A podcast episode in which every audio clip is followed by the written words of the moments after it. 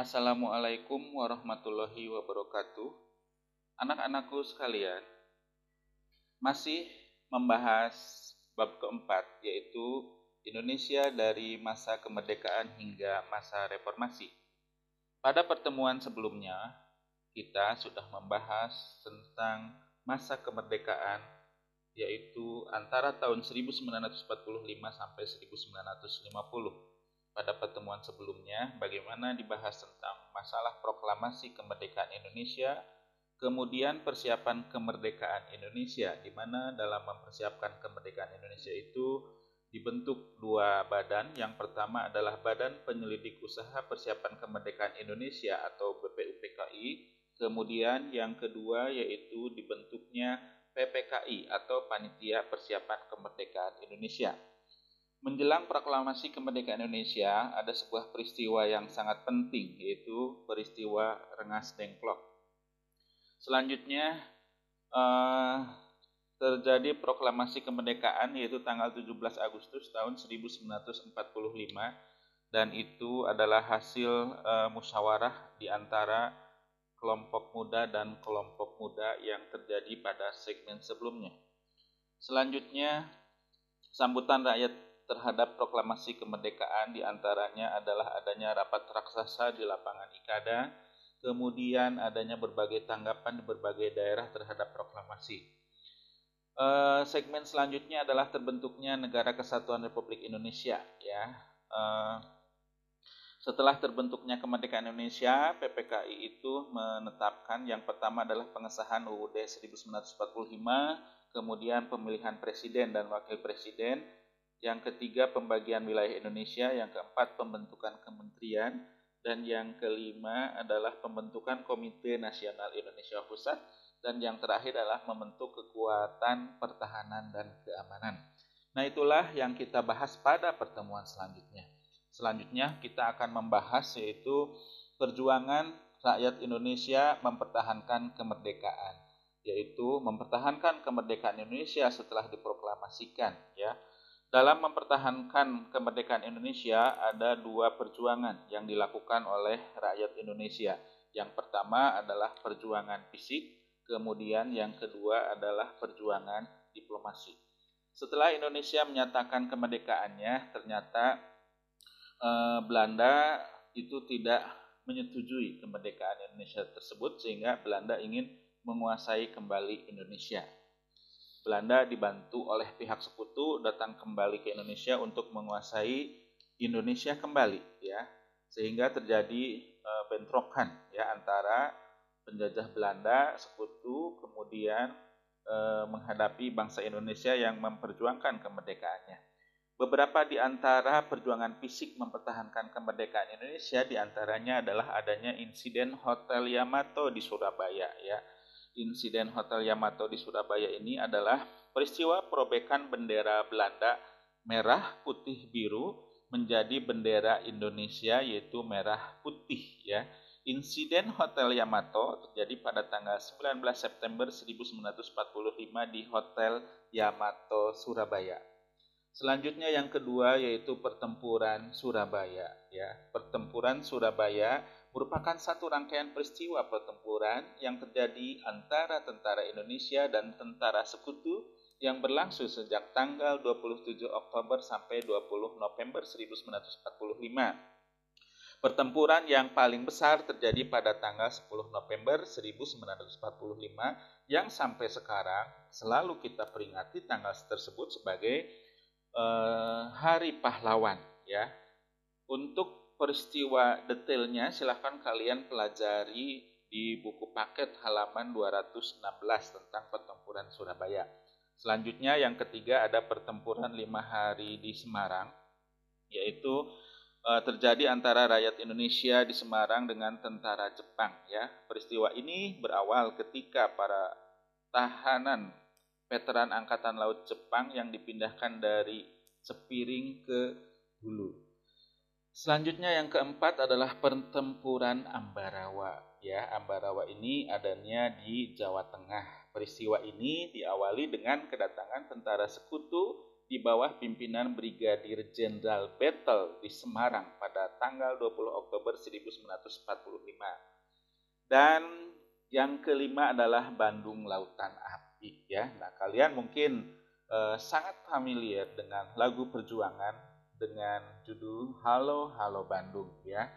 Nah, peristiwa Bandung Lautan Api ini adalah peristiwa kebakaran besar yang terjadi di kota Bandung, Jawa Barat pada tanggal 23 Maret 1946, kota Bandung sengaja dibakar oleh Tentara Keamanan Rakyat atau TKR dan rakyat setempat dengan maksud agar tentara sekutu tidak dapat menggunakan kota Bandung sebagai pos-pos militer. Selanjutnya pertempuran Medan Area, kemudian ada pertempuran Puputan Margarana, kemudian ada serangan umum 1 Maret 1949 ya Nah, di serangan umum 1 Maret 1949 ini adalah serangan yang dilaksanakan pada tanggal 1 Maret 1949. Serangan ini bertujuan menunjukkan kepada dunia internasional bahwa Republik Indonesia yang cukup kuat untuk mempertahankan kemerdekaan meskipun ibu kotanya telah diduduki oleh Belanda ya. Untuk lebih detailnya silahkan kalian pelajari buku paket halaman 221 itu perjuangan fisik mempertahankan kemerdekaan Indonesia. Selanjutnya perjuangan diplomasi ya. Perjuangan diplomasi eh, bangsa Indonesia berupaya menunjukkan kepada dunia internasional bahwa kemerdekaan dan kedaulatan yang telah diraih bangsa Indonesia pantas untuk dibela dan dipertahankan. Selain itu, bangsa Indonesia berusaha menunjukkan sikap dan itikat baik dalam menyelesaikan perselisihan dengan Belanda, ya. Nah, di antara beberapa perjuangan diplomasi yang dilakukan oleh bangsa Indonesia untuk mempertahankan kemerdekaannya, di antaranya adalah perundingan Linggarjati. Nah, ini lokasinya ada di daerah kita, yaitu di Desa Linggajati, Kecamatan Cilimus. Mungkin kalian sering jalan-jalan ke sana ya di sana itu udaranya sangat sejuk kemudian banyak objek wisatanya dan pemandangannya sangat indah ya Perundingan Linggarjati ini adalah perundingan antara Indonesia dan Belanda yang dilaksanakan di Linggarjati, Kuningan, Jawa Barat. Ya, perundingan ini dilaksanakan tanggal 10 November 1946. Perundingan ini menghasilkan beberapa kesepakatan yang ditandatangani secara resmi oleh kedua negara pada tanggal 25 Maret 1947 ya. Poin penting dari perundingan Linggarjati ini adalah Belanda mengakui secara de facto wilayah Republik Indonesia itu adalah hanya Sumatera, Jawa dan Madura saja. Itu poin pentingnya ya. Kemudian Belanda harus meninggalkan wilayah Indonesia paling lambat 1 Januari 1949 yang ketiga, Republik Indonesia dan Belanda sepakat membentuk negara Republik Indonesia Serikat atau RIS, di mana salah satu negara bagiannya adalah Republik Indonesia. Dan yang keempat, dalam bentuk RIS, Indonesia harus bergabung dalam Commonwealth atau Persekutuan Indonesia Belanda dengan Ratu Belanda sebagai ketuanya. Ya, itu eh, poin-poin hasil dari perundingan Linggarjati. Selanjutnya yang kedua ada perundingan Renville ya. Perundingan Renville ini adalah perundingan eh, yang dilakukan antara Indonesia dengan Belanda yang dilaksanakan di atas kapal USS Renville ya milik Amerika Serikat yang sedang berlabuh di Teluk Jakarta ya. Selanjutnya yang ketiga adalah perundingan Rum Royen ya.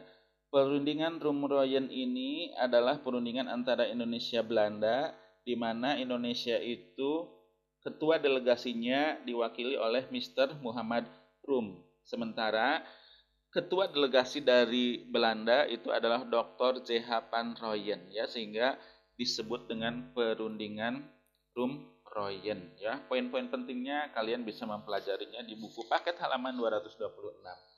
Kemudian yang keempat atau yang terakhir ya dari perjuangan diplomasi Indonesia itu adalah konferensi meja bundar atau yang terkenal dengan sebutan KMB ya. Konferensi meja bundar ini juga adalah salah satu perundingan yang penting antara Indonesia dengan Belanda di mana uh, isi dari kesepakatannya di antaranya adalah Belanda mengakui RIS atau Republik Indonesia Serikat sebagai negara yang merdeka dan berdaulat. Yang kedua, pengakuan kedaulatan dilakukan selamat-lambatnya tanggal 30 Desember 1949 yang ketiga, masalah Irian Barat akan diadakan perundingan lagi dalam satu tahun setelah pengakuan kedaulatan RIS. Yang keempat, antara RIS dan Kerajaan Belanda akan diadakan hubungan Uni Indonesia Belanda yang diketuai oleh negara Belanda. Dan yang kelima, RIS harus membayar semua utang Belanda sejak tahun 1942. Itulah anak-anakku ya, perjuangan bangsa Indonesia dalam mempertahankan kemerdekaan Indonesia. Jadi ditempuh dengan dua cara. Yang pertama adalah dengan perjuangan fisik ya, mengangkat senjata. Kemudian yang kedua adalah dengan cara e, diplomasi atau berunding. Untuk pertemuan kita kali ini itu saja materinya anak-anak ya kalian silahkan pelajari dan tugasnya untuk uh, pertemuan hari ini kalian cukup membuat ini saja ya yaitu uh, tentang perundingan lingkar jati. Jadi kalian tugasnya perhatikan baik-baik tugasnya adalah uh, siapa delegasi masing-masing negara yang hadir di perundingan Linggarjati. Itu yang pertama. Yang kedua, apa isi kesepakatan perundingan Linggarjati? Ya, itu saja tugasnya dua ya.